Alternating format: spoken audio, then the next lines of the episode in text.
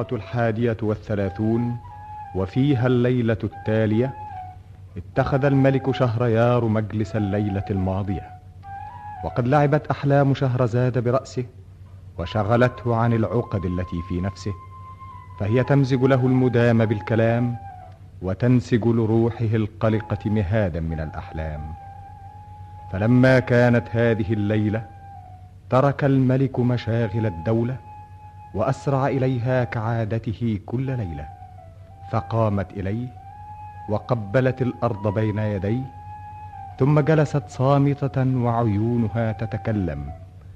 فتململ الملك وتألم وضاق بصمتها وحن إلى سماع صوتها فأقبل عليها والتفت إليها. شهرزاد. جاريتك يا مولاي. ماذا بك يا شهرزاد؟ لا شيء يا مولاي. أنت أنا في خير ما دمت في ظلك يا مولاي. إذا فلماذا لا تتكلمين؟ ألم تعلمي أني آنس إلى حديثك يا شهرزاد وأنني أهرب إليه كما يهرب الخائف من حقيقته إلى وهمه وأفر إليه كما يفر الطفل المذعور إلى صدر أمه. لا بل أنا أهرب إليه من نفسي يا شهرزاد. شهرزاد. مولاي يا مولاه تكلمي بحق الله. تكلمت كثيرا يا مولاي. ولكني ظامئ. لم أرتوي بعد يا شهرزاد. ولكني تكلمت أكثر مما سمعت. والإنسان يسمع أكثر مما يتكلم. وقد خلق الله للإنسان لسانا واحدا. وخلق له أذنين اثنتين. لله أنت يا شهرزاد. إن المتكلم أكثر مما يسمع كالصيرف الذي يدفع أكثر مما يأخذ لا بد يوما أن يدركه الإفلاس. شهرزاد لا تقولي بالله إن رياض حديثك قد جفت وإن جداولها قد أصفت وإن سحائبها صارت جهاما. لا لا يا شهرزاد. إنه الدواء الذي أنام على فعله السحري مولاي. لا تجعلي ليالينا موحشة كالصحراء. اجعليها رياضا غناء وبساتين لفاء. شهرزاد حدثيني. ماذا كان من أمر الحسن البصري بعد أن ترك الجزائر السود وغادر بلاد الملك محمود؟ ماذا كان بعد ذلك يا شهرزاد؟ وماذا عسى أن يكون؟ رجع الحسن إلى أوطانه والتقى بأهله وخلانه فطابت لهم أوقاتهم وصفت لهم مسراتهم إلى أن أدركهم هادم اللذات ومفرق الجماعات.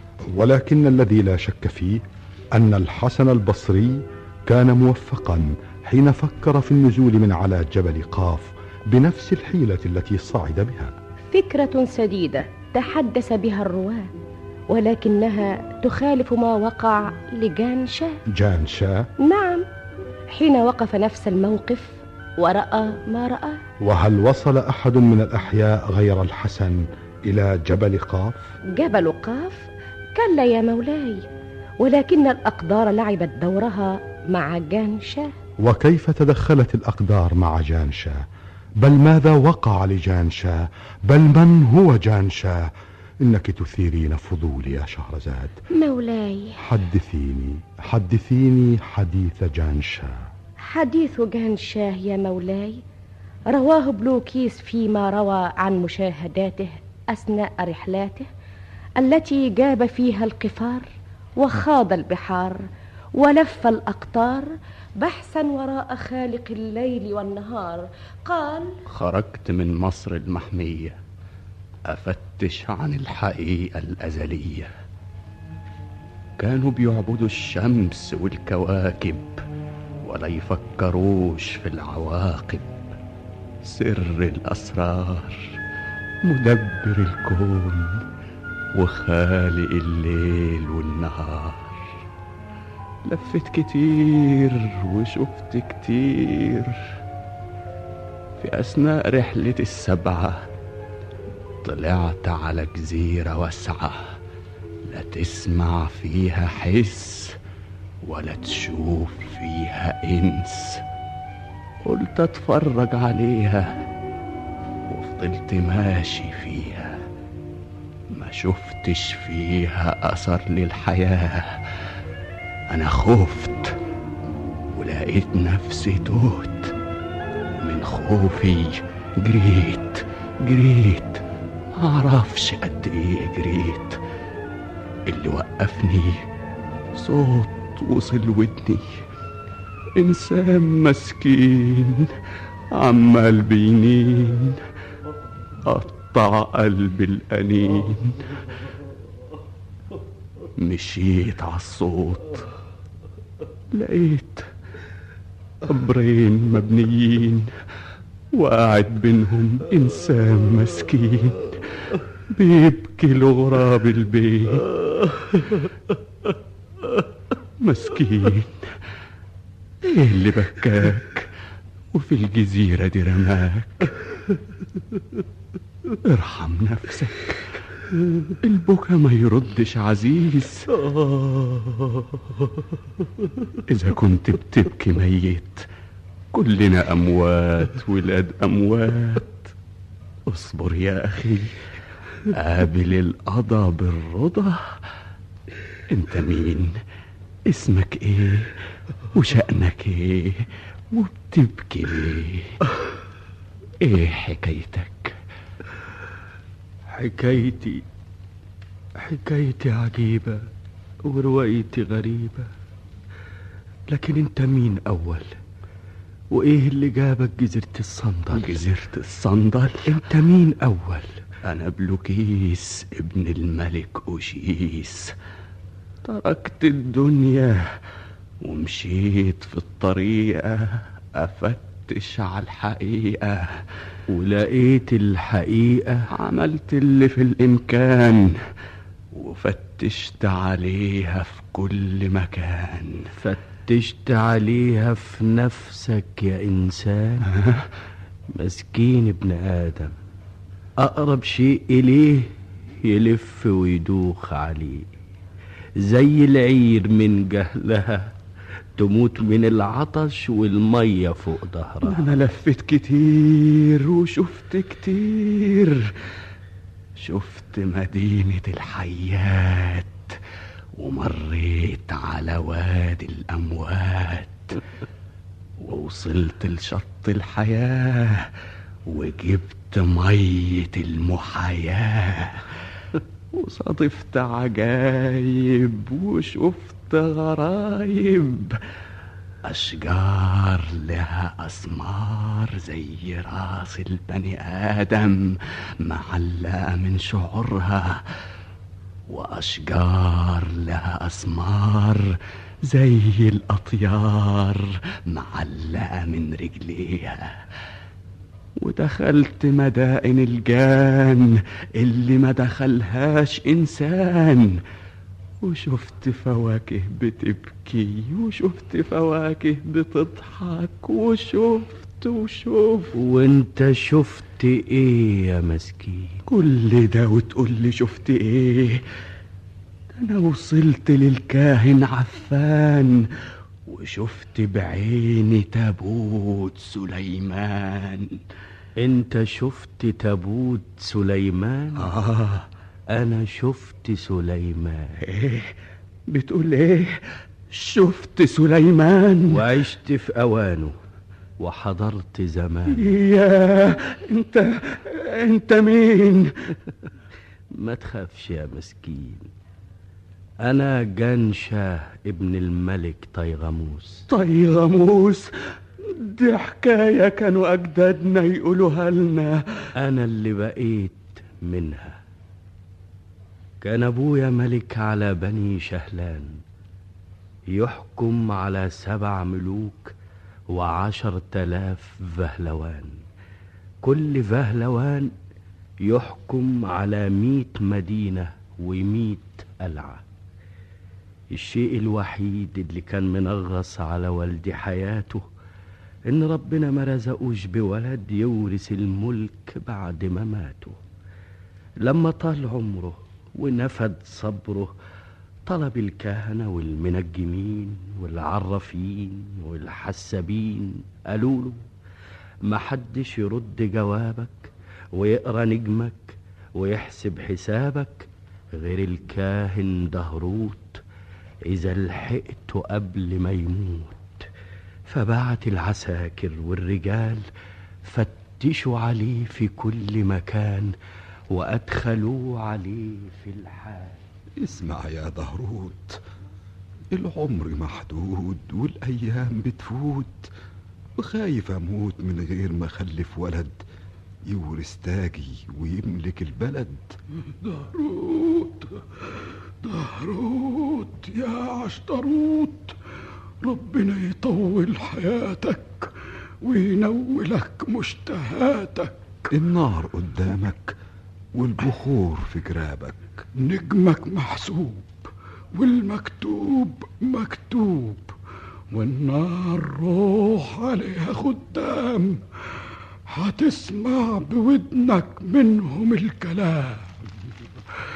طيغموس طيغموس مهوش نعوش لا يمنع ولا يحوش.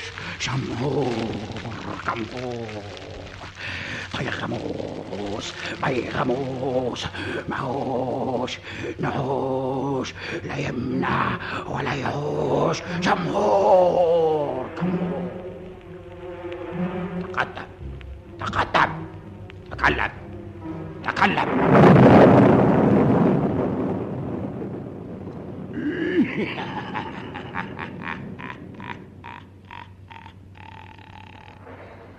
يا طيغموس يا ابن التراب إنك طلبتني بالسحر من بين السحاب وإنك لا ترزق ولد من صلبك إلا إذا تزوجت أميرة سروان بنت الملك بهروان صاحبة التختروان اللي بيخدموها ملوك الجان. طيغموس يا ابن التراب أنا راجع للسحاب.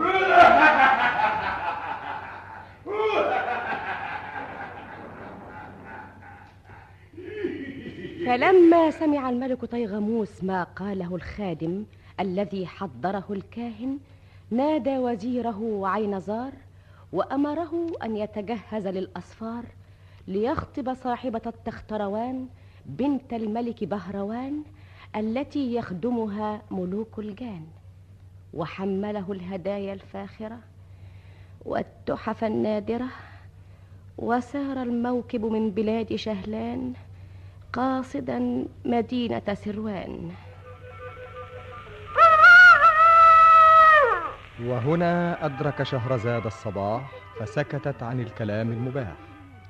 وبهذا تنتهي الحلقة الحادية والثلاثون من ليالي ألف ليلة يكتبها طاهر أبو فاشا ويخرجها محمد لما محمود كانت شعبان. الحلقة الثانية والثلاثون وفيها الليلة التالية اتخذ الملك شهريار مجلس الليلة الماضية وأقبلت شهرزاد في نفس الميعاد فسلمت أجمل سلام وجعلت تقص الحديث وتواصل الكلام.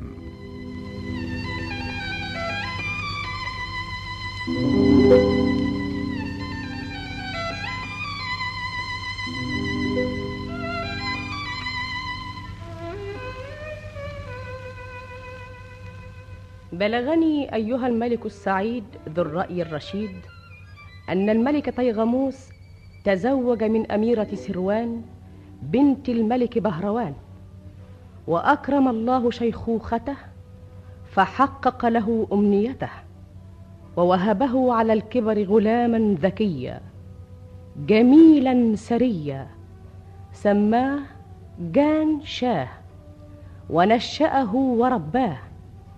فوصل من كل شيء إلى الغاية وكان في كل شيء آية.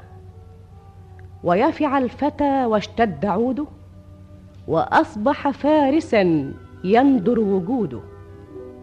وفي يوم من ذات الأيام خرج جان شاه للصيد فلاحت له أتان وحشية على البعد وكان تحته جواد كريم. فانطلق به كالبرق في الليل البهيم وظل يضرب في جوف الصحراء بعيدا عن الركب والرفقاء. وغاب أثره وانقطع خبره فظل رفقاؤه يبحثون وعنه يسألون حتى يئسوا منه فعادوا إلى أبيه عشاء يبكون ويندبون ويعولون. جانشا إزاي الكلام ده؟ أنتوا بتقولوا إيه؟ وفضلنا ندور ونسأل عليه. وجايين تعملوا إيه؟ قلنا نيجي نبلغ عشان تقوموا الجيوش والعسكر. وإزاي تسيبوه؟ ما خفتوش لقيتوه. يا بهلوان! مولاي! خدوهم وشنقوهم على سور المدينة علقوهم. جانشا جانشا صبر يا مولانا يمكن ربنا. صبر إيه؟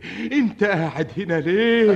أعمل إيه؟ قوموا دقوا الطبول اضربوا الطاسات قوموا الجيوش من غيره ما ترجعوش. جانشا جانشا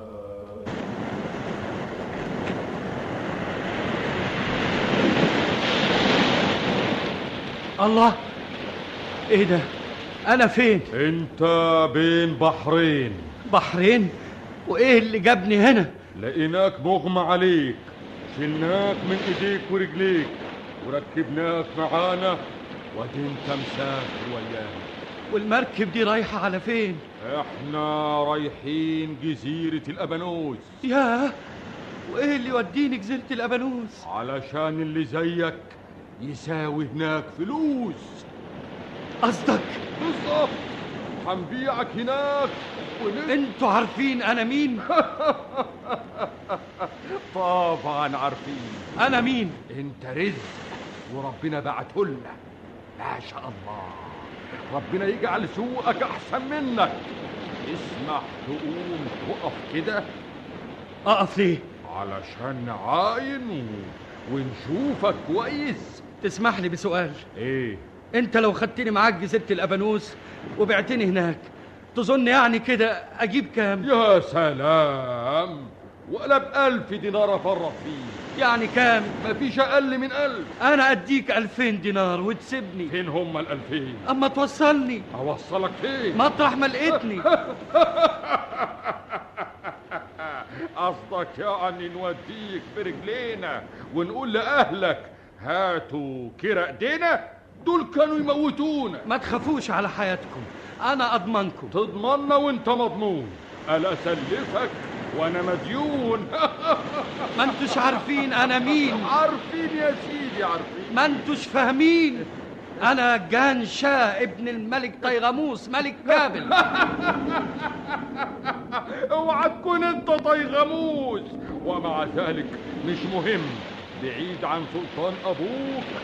يبيعوك ويشتروك اعملوا معروف. اديكوا ألفين تلات تلاف عشر تلاف عشرين خمسين. اللي تطلبوه بس اعتقوني والاهل يرجعوني. انت بتقول إيه؟ ده إحنا لو رجعناك يشنقونا وعلى سور المدينة يعلقونا مفيش مفر يا جنشان يا ابن الملوك تتباع وتصبح عبد. وتعيش في الله الله دي زادت قوي. يا حفيظ. ربنا عالم.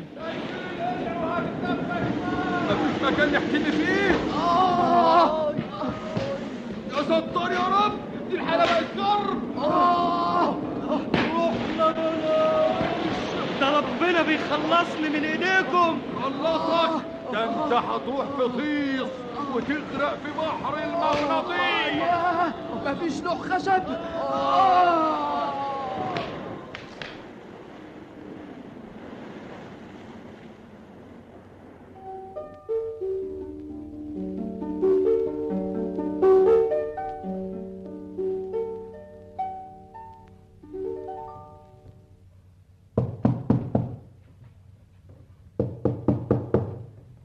عجايب. هو ما فيش هنا حد. كل ما اخبط على باب محدش يرد. اما افتح الباب اعمل إيه؟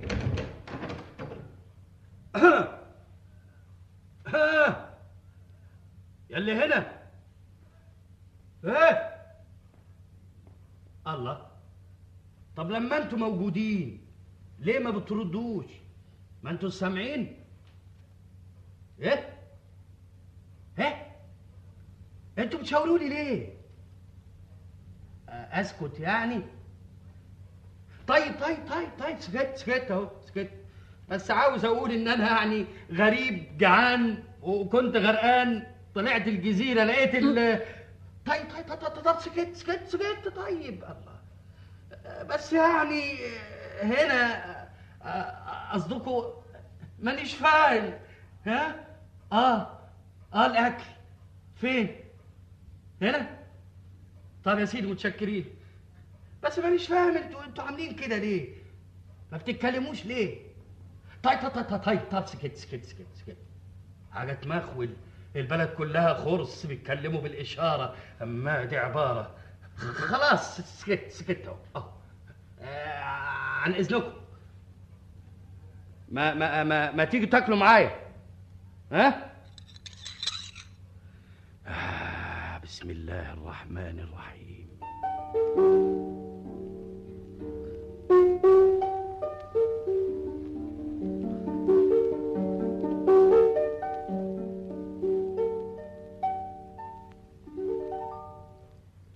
كابل عمرنا ما سمعنا بلد اسمها كابل فين البلد دي يا جنشاه أنا مش عارف أنا فين عشان أقول لك كابل تبقى فين. إيه، أنتوا سمعتوا عن بلد اسمها مصر؟ مصر. ياه. ده إحنا بينا وبينها ثلاث سنين في البر وثلاث سنين في البحر. ثلاث سنين وثلاث سنين؟ ده أنا هقول لله محسنين. الشيء اللي محيرني ومخوي العقل ما- ما- مانيش فاهم. أنتوا أنتوا امبارح ليه كنتوا ساكتين ما بتتكلموش؟ وإذا حد كلمكم ما تردوش. أصل امبارح كان السبت. السبت؟ آه فهمت. هو أنتوا إيه عاوز أقول لك حاجة يا عزار اسمع عزار. اسمع يا عم عزار. إيه؟ مفيش طريقة ترجعني لأهلي. أنا عاوزك تدبرني. الغربة زلتنا يا عم عزار. مسكين مسكين. اعلم يا جنشاه إنك في سجن غربتك. ما يمكنش تخرج منه إلا إذا امتلكت خمس آلاف دينار. خمس تلاف دينار؟ يا عم عزار. عشان تشتري مركب. وتملاها زاد وزواد وتشتري عبيد. مفيش طريق تاني؟ مفيش طريق تاني. ومين يديها لي؟ أنا ادينك الخمس آلاف دينار. تديها لي؟ في مقابل شغلة بسيطة تعملها لي. ولا مش بسيطة أنا خدامك. إيه طلباتك؟ تقوم معايا دلوقتي نسافر لحد ما نوصل لأم الضفاير. وأم الضفاير دي فين؟ بيننا وبينها مرحلتين. وهنروح ام الضفاير نعمل إيه هناك؟ تطلع فوق ظهرها تلاقي جوهرة ها. تروح حدفها لي وتنزل طوالي. واديك الدنانير تشتري المركب وترجع بلادك زي الطير. وامتى نقوم يا عم عزار؟ دلوقتي قبل ما يطلع النهار وتصحى ام الضفاير. ولا أنا فاهم حاجة. ومع ذلك أنا تحت أمرك. يلا من فضلك. يظهر إنك مشتاق لأهلك. يلا يا صايب حضر الركايب على الضرب الطويل تحت جنح الليل. وركب الفتى وركب الشيخ وسار يشقان جيوب الظلام ويضربان في فحمة الليل حتى إذا كان الهزيع الأخير لاح لهما تل كبير. يبدو أنه من الذهب فهو يلمع على البعد كأنه بصيص نار فتعجب الفتى وحار والتفت إلى الشيخ عازار.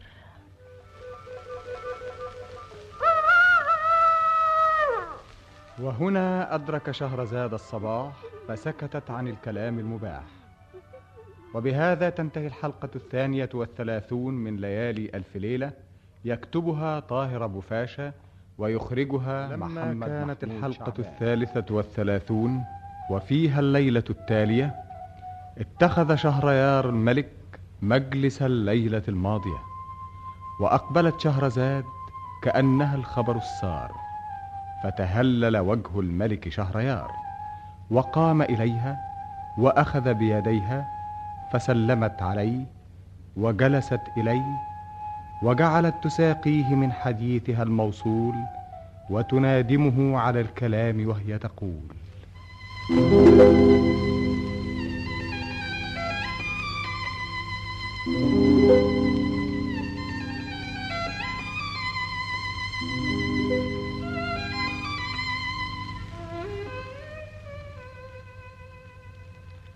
بلغني أيها الملك السعيد ذو الرأي الرشيد أن جان شاه ظل راكبا مع عازار وهما يطويان الوهاد والقفار. حتى آذن الليل بالإدبار وبدت في الأفق طلائع النهار. فعندئذ لاح لهما تل كبير فوقه دخان كثير. تل من الذهب يتوهج كأنه النار فتعجب الفتى وحار والتفت إلى الشيخ عازار. عم عزار جنشاه إيه ده اللي قدامنا؟ الحمد لله خلاص وصلنا. أنت تعرف قد إيه سيرنا؟ ادي إحنا ماشيين من أول الليل يمكن قطعنا مرحلة ولا اتنين. إحنا قطعنا ماشي سنتين. إيه؟ مشينا سنتين؟ الركوبتين دول مسحورين. يقدروا يلفوا الدنيا كلها في ليلتين. الله. شوف عم عصار. إيه. التل هناك ده ده دهب ولا إيه؟ لا دهب ولا حاجة. أنا حسبته دهب خام. أمال التل ده إيه؟ رخام؟ لا رخام ولا دهب خام؟ أمال دي إيه يا عم عصار؟ ده أم الضفاير. أنا أول ما كلمتني عن أم الضفاير فهمت إنها بلد اسمها كده. ما كنتش فاهم إن أم الضفاير دي تبقى تل دهب قلت لك ما هياش دهب وكمان ما هياش تل. ما هياش تل. ده أنا عقلي اختل. أمال ده إيه ده اللي قدامنا؟ دي اللي خلتك تسافر. اسمها أم الضفاير. يعني إيه أم الضفاير؟ أم الضفاير دي حية. حية؟ كل دي حية؟ يا ساتر يا أمال فين دماغها؟ وفين هي الضفاير؟ دماغها فوق جسمها عشان هي دلوقتي نايمة ومكحكة. ملفوفة على بعضها. ارفع عينك لفوق. اللي انت فاهم انه راس التل ده هو ده دماغها. دماغها؟ ما تخافش يا جنشان ما تخافش. هي دلوقتي نايمة. ما تصحاش إلا لما الشمس تطلع عليها مهما عملت فيها. وإيه الدخان اللي طالع منها؟ ده مش دخان ده أنفاسها. أنفاسها؟ ما تخافش يا أخي ما تخافش. انت ليه لونك اتغير؟ دي حاجة تحير وتخلي جسم الواحد يقشعر. الحية دي عامية. عامية؟ عامية وعمرها خمس آلاف سنة. خمس تلاف سنة؟ وتلف الدنيا كل يوم مرة وتيجي تنام هنا. التعابين لما تكبر وتألف تعمى. وعشان ما تعرف تمشي وتستمر في سيرها تخرج من جوفها جوهرة وتمشي على نورها. فهمت يا جنشاه؟ ابدا يا عم عزار. عيد لك الحكاية من تاني. لا تقولها لي ولا تعيدها لي. أنت دلوقتي إيه اللي أنت عايزه مني؟ آه. فهمني. عايزك تطلع فوق ظهر الحية. آه طيب. إيه؟ أنت بتقول إيه؟ تطلع فوق ظهر الحية. هتلاقي الجوهرة. الجوهرة بتاعتها محطوطة بين قرونها.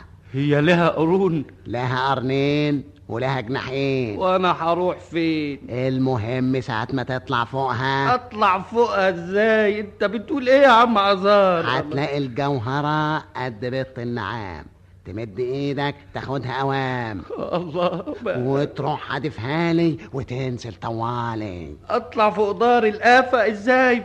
فهمني دي دي كانت تاكلني. مش هتشعر بيك ولا تحس بدبيب رجليك. ربنا يخليك. هو الجبل يحس لما تمشي فوقه نملة لكن يلا بينا قبلة الشمس قربت تطلع وبعدين تصحى الحية. وأنا أقدر على ده يا عم عزار؟ مالكش في الطيب نصيب. هتفضل عبد وتقضي عمرك غريب. بس هطلع فوق دار التعبان. قلت لك إن الحية دلوقتي نايمة. مش هتحس إن فوق ظهرها إنسان. هي كده. طيب ليه أنت ما تطلعش فوقها وتجيب الجوهرة اللي أنت عاوزها؟ يا ريت. ما كنتش وراك جريت. ليه؟ عشان هي مقسومة لك ومن الأزل مكتوبة لك. طب اطلع معايا يا عم عذاب نونس بعضينا ونجرب حظنا. برضه ما يمكنش. ده شيء مستحيل. لو اتنين طلع فوقها تصحى من نومها. بس يعني فوق ظهر التعبان تطلعني. ها؟ بلاش. طيب انت متأكد انها ما تصحاش؟ قلت لك ما يصحهاش غير حاجتين. إيه؟ الشمس ها؟ ولما يطلع فوقها اتنين. ها. الله. ما تضيعش وقتك. الشمس قربت تطلع. الحياة تصحى وإحنا نرجع. لا أنا نلت غرضي ولا أنت نلت غرضك. ولا أنا خدت الجوهرة ولا أنت رجعت بلدك. عم عزار خد إيه ده؟ دي مخلة. مخلة؟ فيها إيه؟ هقول لك كل حاجة. المخلة دي مليانة ردع ردة أعمل بيها إيه الردة المكان اللي هتحط رجلك عليه فوق جسم الحية ترش عليه الردع ليه؟ لأن جسم الحية ناعم ومن غير الردة تزحلق عليه فاهم؟ بس يعني أنا توكل على الله. امسك إيدي يا عم عزار. آه. أنا أنا ما, أنا, ما, أنا ما, ما تخافش يا جنشاه بعدين تصحى تصحى. آه لا آه. عم عزار. آه. عم عزار. اتقدم. عم عزار. الله. عم عزار. ده صحيح الحية مش حاسة بيا. عم عزار. اتقدم. عم عزار زي ما أكون بدوس على حكيم. خليك رزين. آه آه آه آه. عم عزار. لقيت الجوهرة. زي بط النعام. احداثها أوام. خد يا عم عزار آه! أبو عزار أبو عزار الحية فردت جناحها. آه، شالت دماغها. عم عزار التمام بيتحرك. بيطير. طار! طار! عم عزار ابو عزار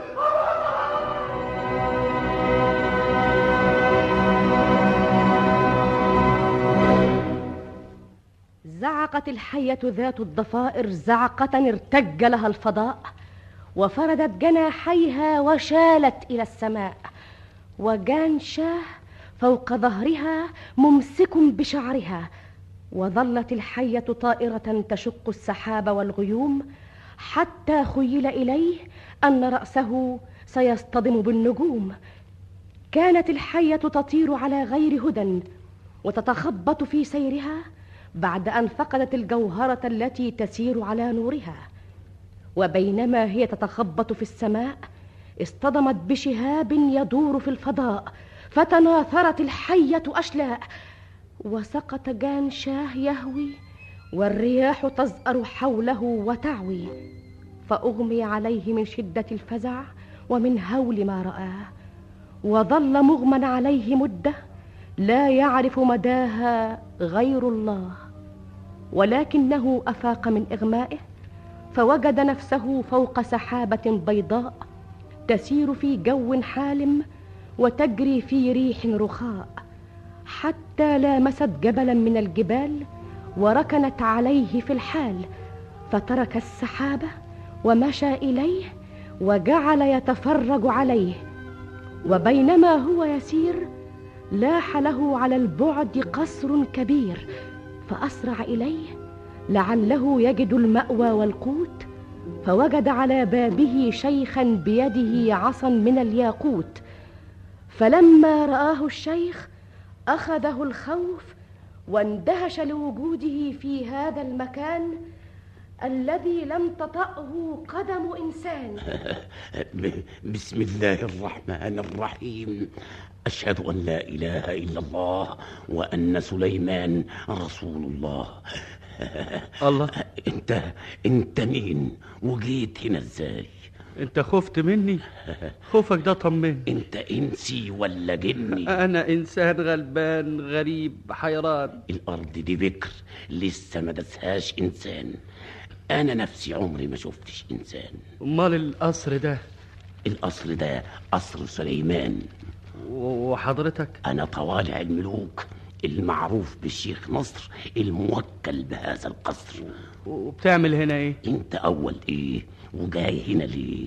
أنا ده أنا حكايتي ما تنحكاش لو حكيتها لك ما هتصدقهاش. ما تبكيش على اللي فات. اللي فات مات استنى أول. انت باين عليك جعان. ما تأخذناش. ما فيش عندنا هنا غير الفواكه. نعمة من عند الله. ونعم بالله.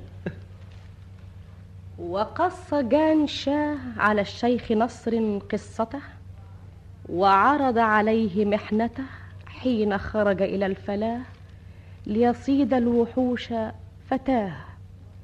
وحين أخذه النخاس المنحوس ليبيعه في جزيرة الأبانوس وحكى له حكايته مع الشيخ عازار وما شهد من العجائب ورأى من الأسرار وكيف طارت به الحية العمياء وكيف اصطدمت بشهاب كان يدور في الفضاء. فتمزق جسمها أشلاء إلى أن نجا على سحابة كانت تسير فوصلت به إلى هذا الجبل الكبير. مولاي.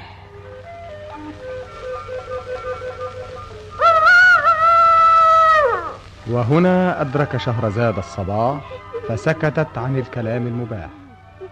وبهذا تنتهي الحلقة الثالثة والثلاثون من ليالي ألف ليلة يكتبها طاهر أبو فاشا ويخرجها محمد محمود كانت شعبان. الحلقة الرابعة والثلاثون وفيها الليلة التالية اتخذ شهريار الملك مجلس الليلة الماضية. وقد غرست الشموع في العنبر فأشرق المخدع بأنوارها وتعطر. وفي هذا الجو الحالم والملك بين متيقظ ونائم جعلت شهرزاد تترسل وتتحدر. وهو مطرق يتأمل في حديثها ويتدبر. حتى انهزم الليل وأدبر ونعى الليلة ديك الصباح وبكى عليها وناح. فنبه الغافلين بالنواح وأيقظ النائمين بالصياح. فلان كلامها وفتر لسانها. وعندئذ استأذنت شهرزاد أن ترجئ الحديث وطلبت المهلة وكان مما قالته في هذه الليلة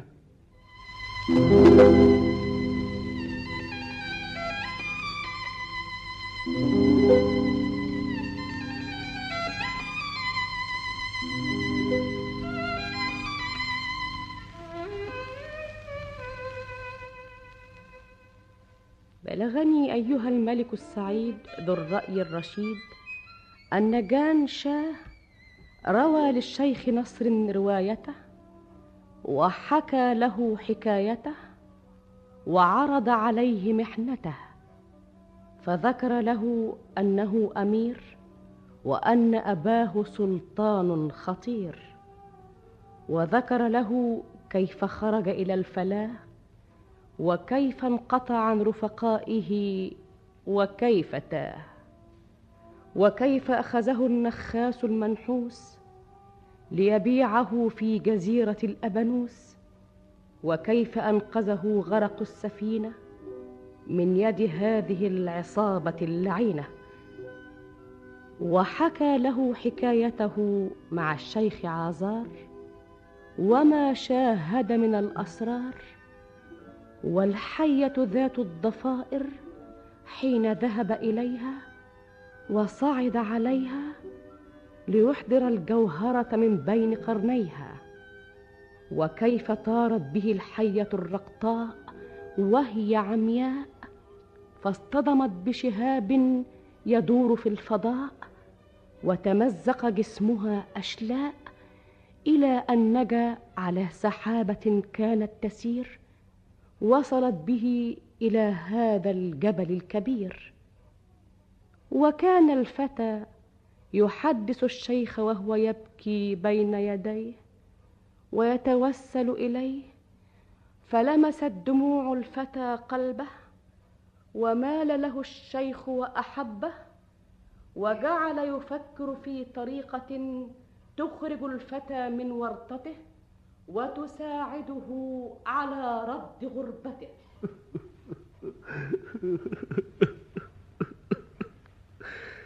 مفيش طريقة يا عم الشيخ نصر. انت تعرف يا جنشاه إحنا بينا وبين أول مكان في سكان كام؟ كام؟ ستين عام. ستين عام. بالكمال والتمام. الأمر لله. ما تبكيش يا جنسان مفيش حاجة تكتر على الله. انت عارف أنا هنا مين. أنا ما أعرفش إلا إنك الشيخ طوالع الملوك المعروف بالشيخ نصر الموكل بالقصر بس كده. أمال؟ أنا هنا ملك الطيور. الطيور من كل مكان تجيني كل عام وتقعد عندي في الجزيرة تلات أيام. طول بالك أما تيجي الطيور واسألها لك يمكن نلاقي طائر يشيلك من هنا ويطير ويرجعك لأهلك بخير. وإمتى تيجي الطيور؟ الطيور ما تجيش إلا في عيد الطيور. وإمتى عيد الطيور؟ عيد الطيور في موسم الزهور. وإمتى الموسم بتاع الزهور؟ موسم الزهور لسه عنه ثلاث شهور. ثلاث شهور. الأيام بتدور والبعيد بكرة يبقى قريب والصبر يا ابني طبيب. قوم بنا قوم. على فين؟ نتفسح في البساتين وأفرجك على الجزيرة في الشهبة أو فضها سيرة. قوم قوم. هات إيدك وخلي أمانك بالله. ونعم بالله. جنساه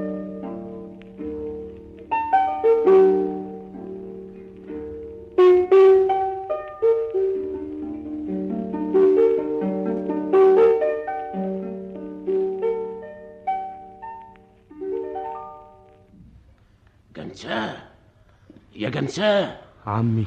أنا جايب النهاردة هدية تسرك. الله يسر خاطرك. إيه؟ اتفضل. زهرة؟ قلبك طيب يا شيخ نصر هو الغريب يتهداله زهر. أنت عارف الزهرة دي تدل على إيه؟ إيه؟ ما تعرفش تدل على إيه؟ هي لونها أبيض يمكن يمكن تدل على الإخلاص. ابدا. تدل على المحبة. ابدا. تدل؟ تدل على إيه؟ ال- الزهرة دي تدل على إنك قربت ترجع لأهلك. آه أيوه أيوه. مادام تطلع الزهور. يجي عيد الطيور. عم الشيخ ناصر. صبرك بالله يا ابني. يا ترى ح- هتلاقي طيرة تشيلني والأهل ترجعني. ها؟ الله شوف السماء الدنيا بقت غمام والنهار بقى ظلام. ده مش غمام يا ابني. أمال إيه ده؟ طمني. دي طيور يا جنساء. يا ده شيء كتير. ولسه النهارده كل الطيور اللي في العالم تيجي الجزيرة ما يتأخرش عن عيد الطيور ولا طيرة. يعيدوا معايا تلات أيام وبعدين يقوموا أوام. يا سلام. أنا مضطر أسيبك تلات أيام علشان أقابلهم وأعيد معاهم وأكلمهم. تكلمهم؟ أصلي أعرف لغتهم. تعرف لغتهم؟ دي وظايف يا ابني. وهتسألي عن الطير اللي يشيلني ويوديني لأهلي. هي دي تفوتني. خد يا ابني. إيه ده؟ استلم. إيه إيه ده يا عم الشيخ نصر؟ دي مفاتيح القصر. معاك أربعين مفتاح. وقدامك أربعين باب. افتح أي باب إلا الباب الأخراني خلاص. أعيد لك الوصية من تاني. مفيش داعي. اوعى تفتح الباب الأخراني فاهم يا جنشاه إن شاء الله. في أمان الله. أنا مش هغيب عنك كتير. تلات أيام مع الطير.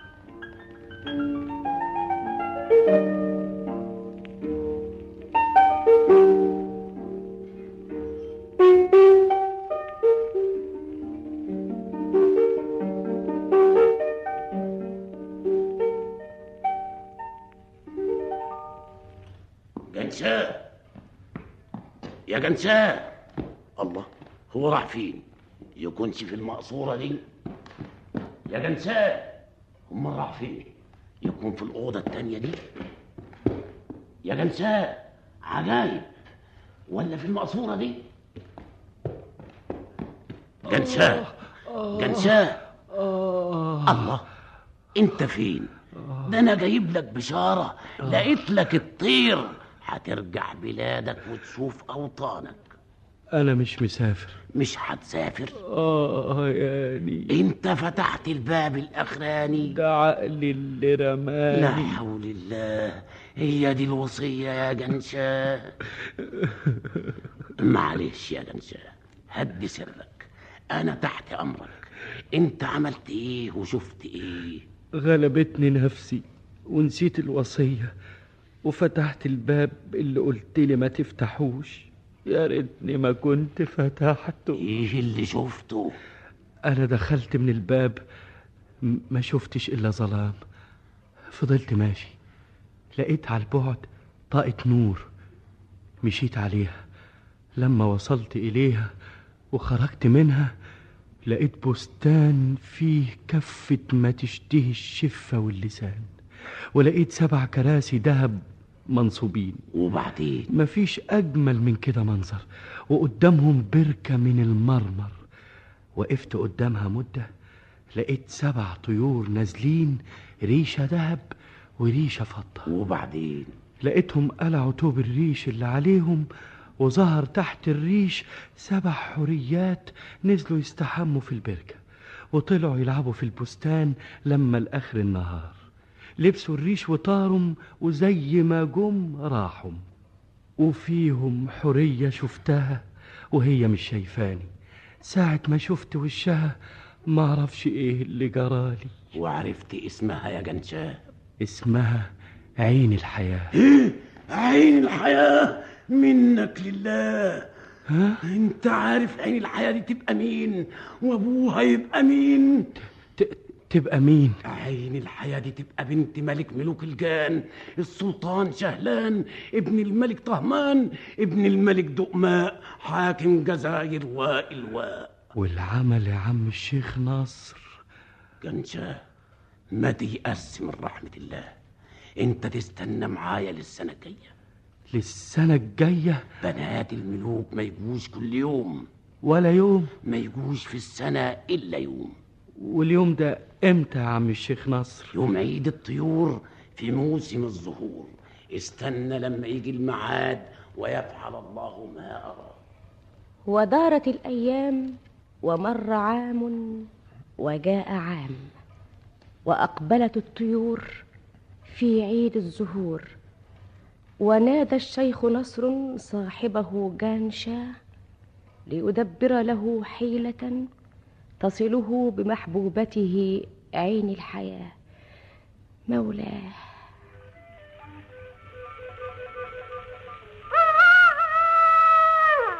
وهنا أدرك شهرزاد الصباح فسكتت عن الكلام المباح.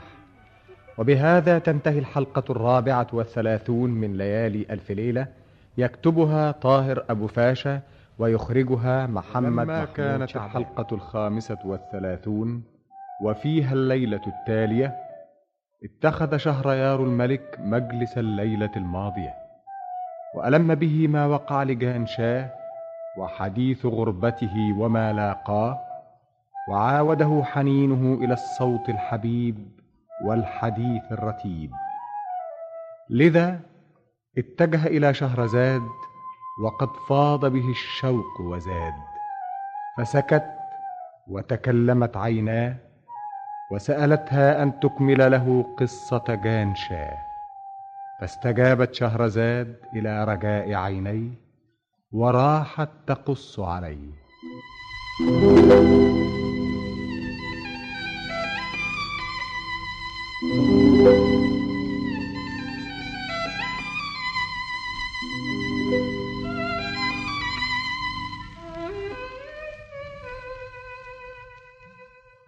بلغني أيها الملك السعيد ذو الرأي الرشيد أن الأمير جان شاه لما طال بكاه وهو يشرح للشيخ نصر بلواه ويشكو له غرامه وهواه بالأميرة عين الحياة بنت سلطان سلاطين الجاه الملك شهلان بن طهمان. عندئذ قال له الشيخ نصر يا ولدي لا مفر. لا بد أن تمكث معي حتى يحول الحول ويحق القول. وتأتي العذارى بنات ملوك الجان لأنهن لا يأتين هذا المكان إلا عندما يهل موسم الزهور. فتجيء العذارى طائرات مع الطيور في عيد الطيور. ودارت الأيام ومر العام وأقبلت الطيور من جميع الأنحاء فسدت وجه السماء وحجبت نور ذكاء. آه آه يا عم نصر. آه الدنيا ضلمت دي الطيور حومت.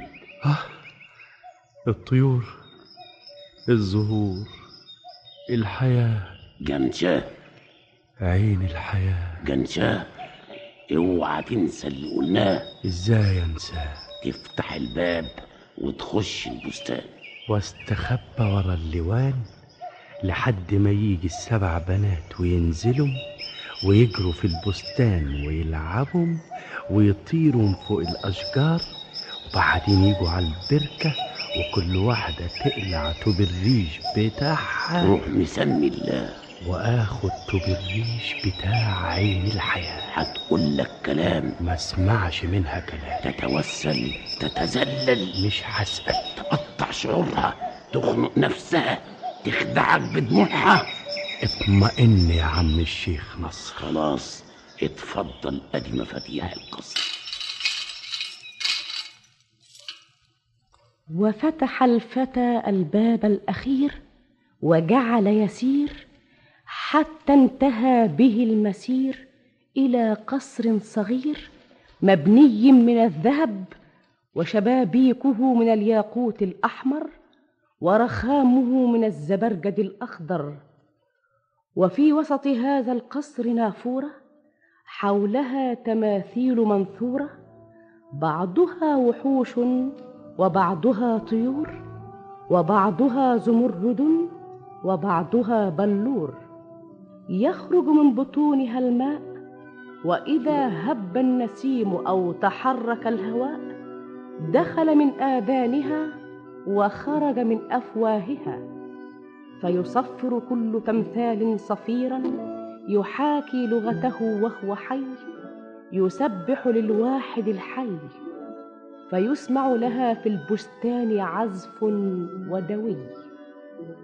وظل الأمير جان شاه يسير في البستان حتى انتهى إلى ليوان. وعلى ذلك الليوان تخت من الياقوت وعلى ذلك التخت خيمة من الحرير الأخضر مطرزة بالدر والجوهر. فترك كل هذا جان شاه. وظل ينتظر هبوط عين الحياة حتى انصرم النهار وولى الأدبار ولم يكن حظه في اليوم الثاني بأحسن من حظه في اليوم الأول. فلما كان اليوم الثالث لاح له في كبد السماء سبعة طيور تشق الفضاء فخفق قلبه بصوت مسموع وكاد أن يقفز من بين الضلوع وأسرع فاختبأ وراء الليوان بينما حطت الطيور في البستان وراحت ترقص على صفير التماثيل وهي تبتعد وتقترب وتعتدل وتميل. ثم وقفت الطيور السبعة على حافة البركة وخرج كل طائر من ثيابه وتجرد من ريشه وإهابه. فإذا سبع بنات من الحور العين كأنهن اللؤلؤ المكنون فنزلت الصبايا إلى الماء ولتغريدهن رنين في الهواء. أيوه أهم بعدوا في البركة. أما السحب واخد توب الريش. توب الريش من غيره عين الحياة ما تمشيش. يلا. واحد بس. الله دول طالعين من المية. أما استخبى قبل ما يحسوا بيه عين الحياة عين الحياة. إيه عين الحياة يا بنات؟ عين الحياة. عين الحياة. يلا أنت يا شمسة. الدور عليكي أنت يا فتنه فتنه يلا يا فتنه كفاية كفاية بقى يا بنات الملوك. يلا بينا نمشي قبل الدنيا ما تمسي. إحنا اتأخرنا. يلا نلبس ريشنا ونطير على عشاشنا. لا ده توبي. ده الريش بتاعي. وده؟ ده ريشي أنا. أمال فين توبي؟ قلتلك ده ريشي أمال توبي راح فين؟ طب عين الحياة. هي فين؟ كانت حاطة فين؟ إزاي مش باين؟ أنا حطاه بإيدي جنب الليوان في حد في البستان. إنس ولا جان. حد في البستان. إحنا اتأخرنا يا بنات. يلا بينا يا بنات الملوك. مش لاقية توبي فتشوا معايا. ساعدوني. إحنا اتأخرنا. الله إنتوا هتفوتوني. غصب عنا. الله إنتوا صحيح هتسيبوني. إحنا اتأخرنا. يلا يا بنات الملوك. يلا, يلا, يلا يا بنات. يلا يا بنات.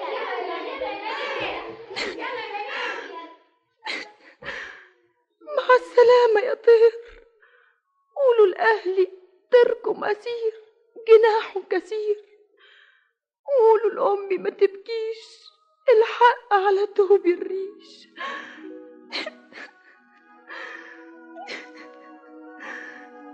اللي خدت توبي وحرمتني من ريشي حرام عليك. مررت عيشي. أحلفك بحق ما أنا غريبة وذليلة ترد لي ريشي. وترجعني لأمي العليلة ارحم دموع عينيا. دي أمي هتبكي كتير وتنوح عليا. انت ليه قلبك مش بيلين ملكش أم ملكش إخوات. الوقت فات. انت مستخبي ليه؟ اظهر وقولي قصدك إيه؟ حرام عليك. ابوس ايديك دموعي دي ما بتأثرش فيك. كفاية كفاية كفاية بقى كفاية. يا ربي. دموعك قطعت قلبي. أنت فين مستخبي حفر منك فين وأنت قتلاني؟ أرجوك ارحمني. ارحميني أنت. أنت ليه خدت توبي. عشان أنت خدت قلبي. معروف اديني توبي الريش. ما تحاوليش أنا في عرضك. ما تتعبيش نفسك. أبوس رجلك. لسه لغاية دلوقتي ألحق أروح. ما فيش مروان أنا عملت فيك حاجة. أنت ده أنت وريتيني الويل. وخليتيني ما نمش الليل. هو أنا أصلي شفتك. أنت ما شفتنيش لكن أنا شفتك. وعرفتك وعرفت اسمك. وزي ما شبكتيني شبكتك. اعمل معروف. الليل دخل علينا ولو تطلع نجمة الليل ينتهي عيد الطير ولا أقدرش أطير. أعمل معروف. اعملي أنت معروف. أنا غريبة وأنا زي غريب. بص. إيه؟ نجمة الليل. يا ويلي يا ويلي انتهى عيد الطير ولا أقدرش أطير.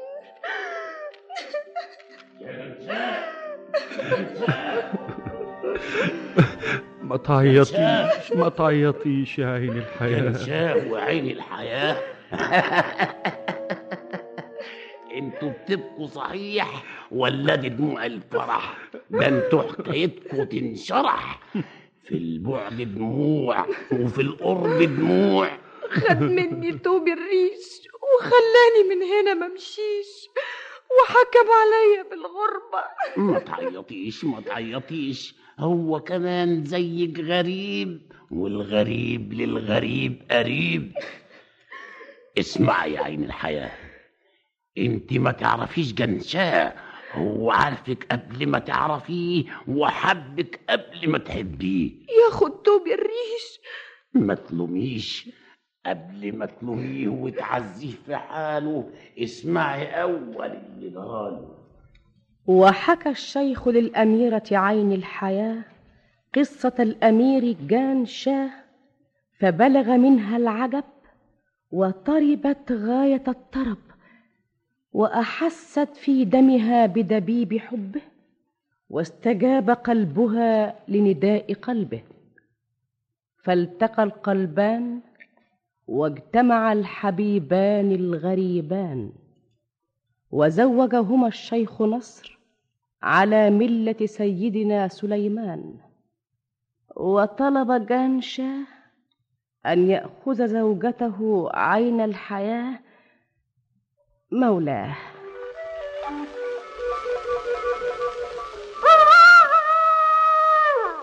وهنا أدرك شهرزاد الصباح فسكتت عن الكلام المباح. وبهذا تنتهي الحلقة الخامسة والثلاثون من ليالي ألف ليلة يكتبها طاهر أبو فاشا ويخرجها محمد كانت محمود الحلقة الحلقة السادسة والثلاثون.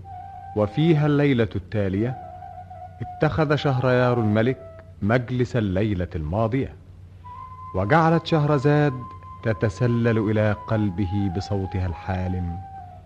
والملك بين متيقظ ونائم.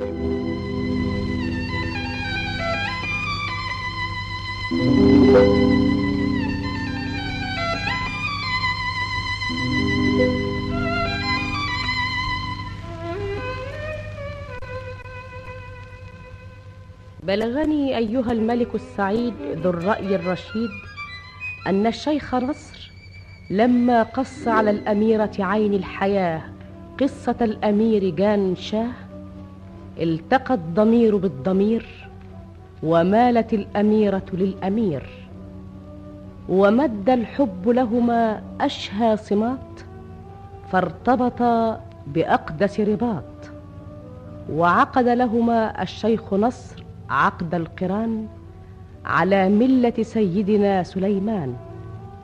وعندئذ تقدم جان شاه وضرع إلى ملك الطيور ورجاه وسأله أن يتم جميله معهما ويحضر الطائر الذي يحملهما. فلا شك أن أمه وأباه سيطيران من الفرحة بلقياه ويحبان زوجته عين الحياة.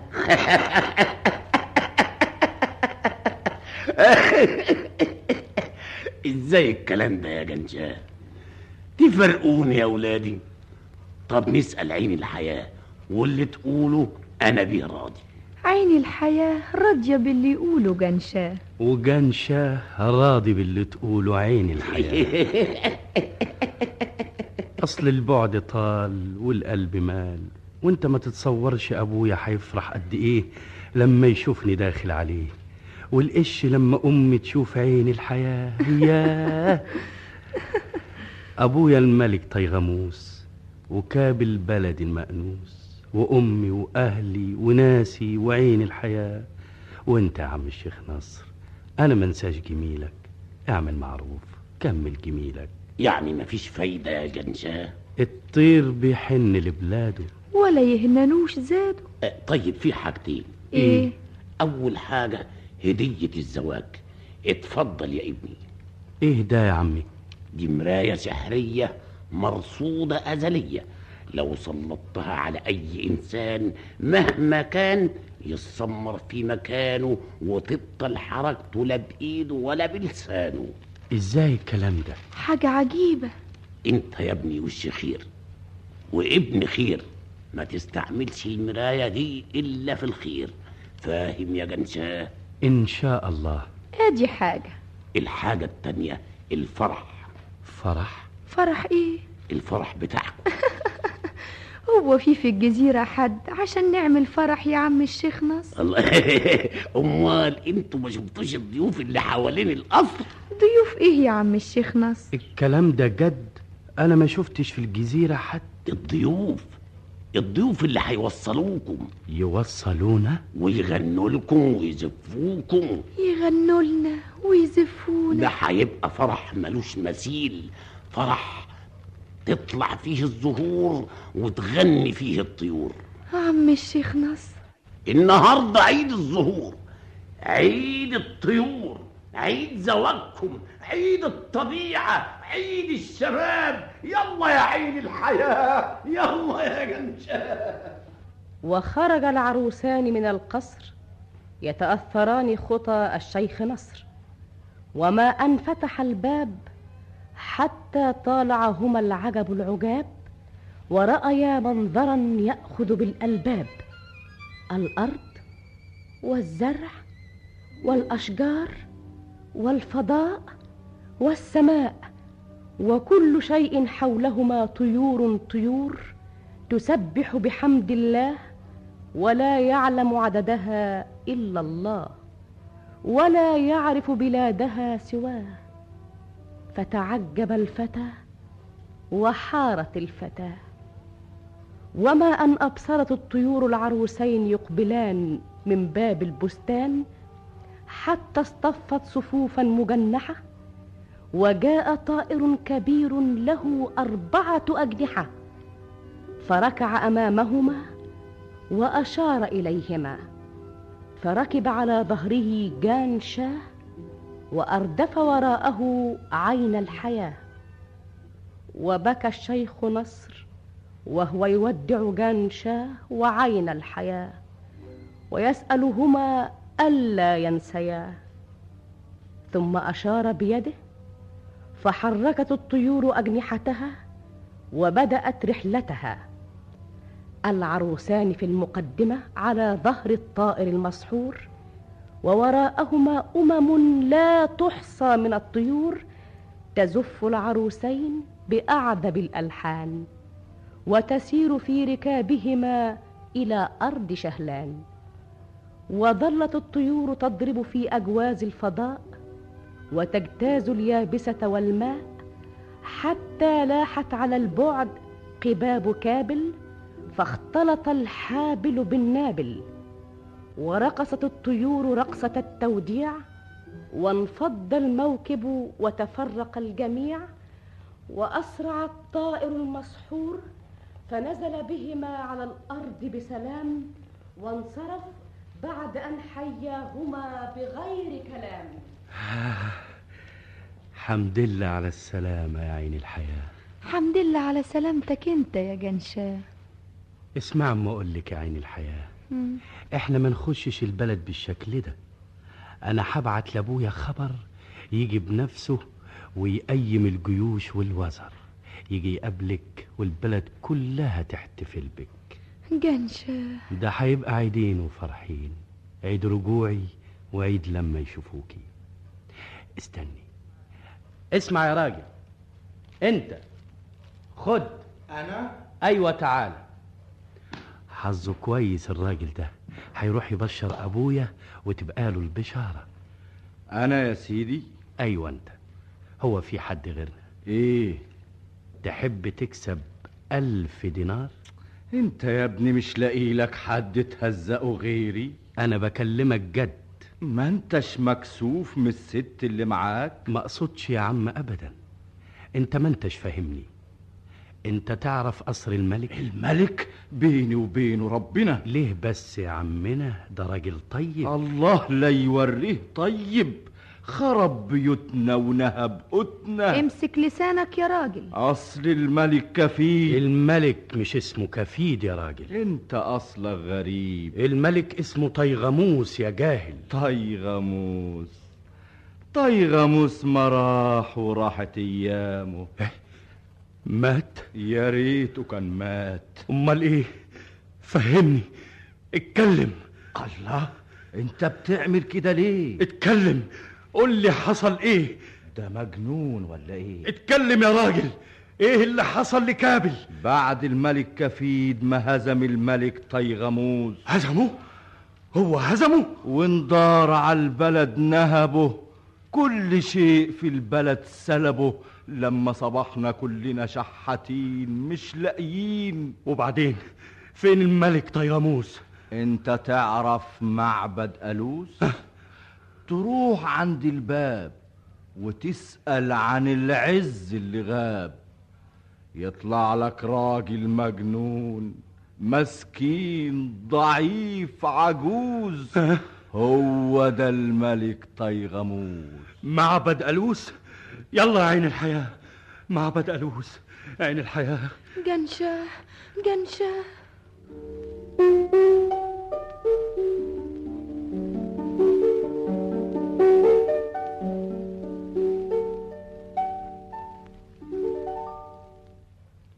إحنا استغربنا يا مولانا. إيه اللي يخلي الشاب ده يروح لطيغموس يلبسه هدوم جديدة ويديله فلوس؟ قلنا لابد يكون جاسوس. وقبضتوا عليهم؟ قبضنا عليهم. الشاب إياه والبنت الجميلة اللي وياه. وطيغموس. وطيغموس. دخلوهم. تعال يا انت تعرف طيغموس منين؟ ده أنا علي له دين. والبنت اللي معاك دي مين؟ دي مراتي واسمها عين. مش بطالة. خدوها. ياخدوها فين؟ تقعد معايا يومين. طيب مش تستنى اما نتكلم عن الدين اديه لمين؟ طيغموس ده عبد من عبيدي. كل ما يملكه يبقى ملك ايدي. هات الدين اللي عليك. اتفضل. هات. مد إيدك.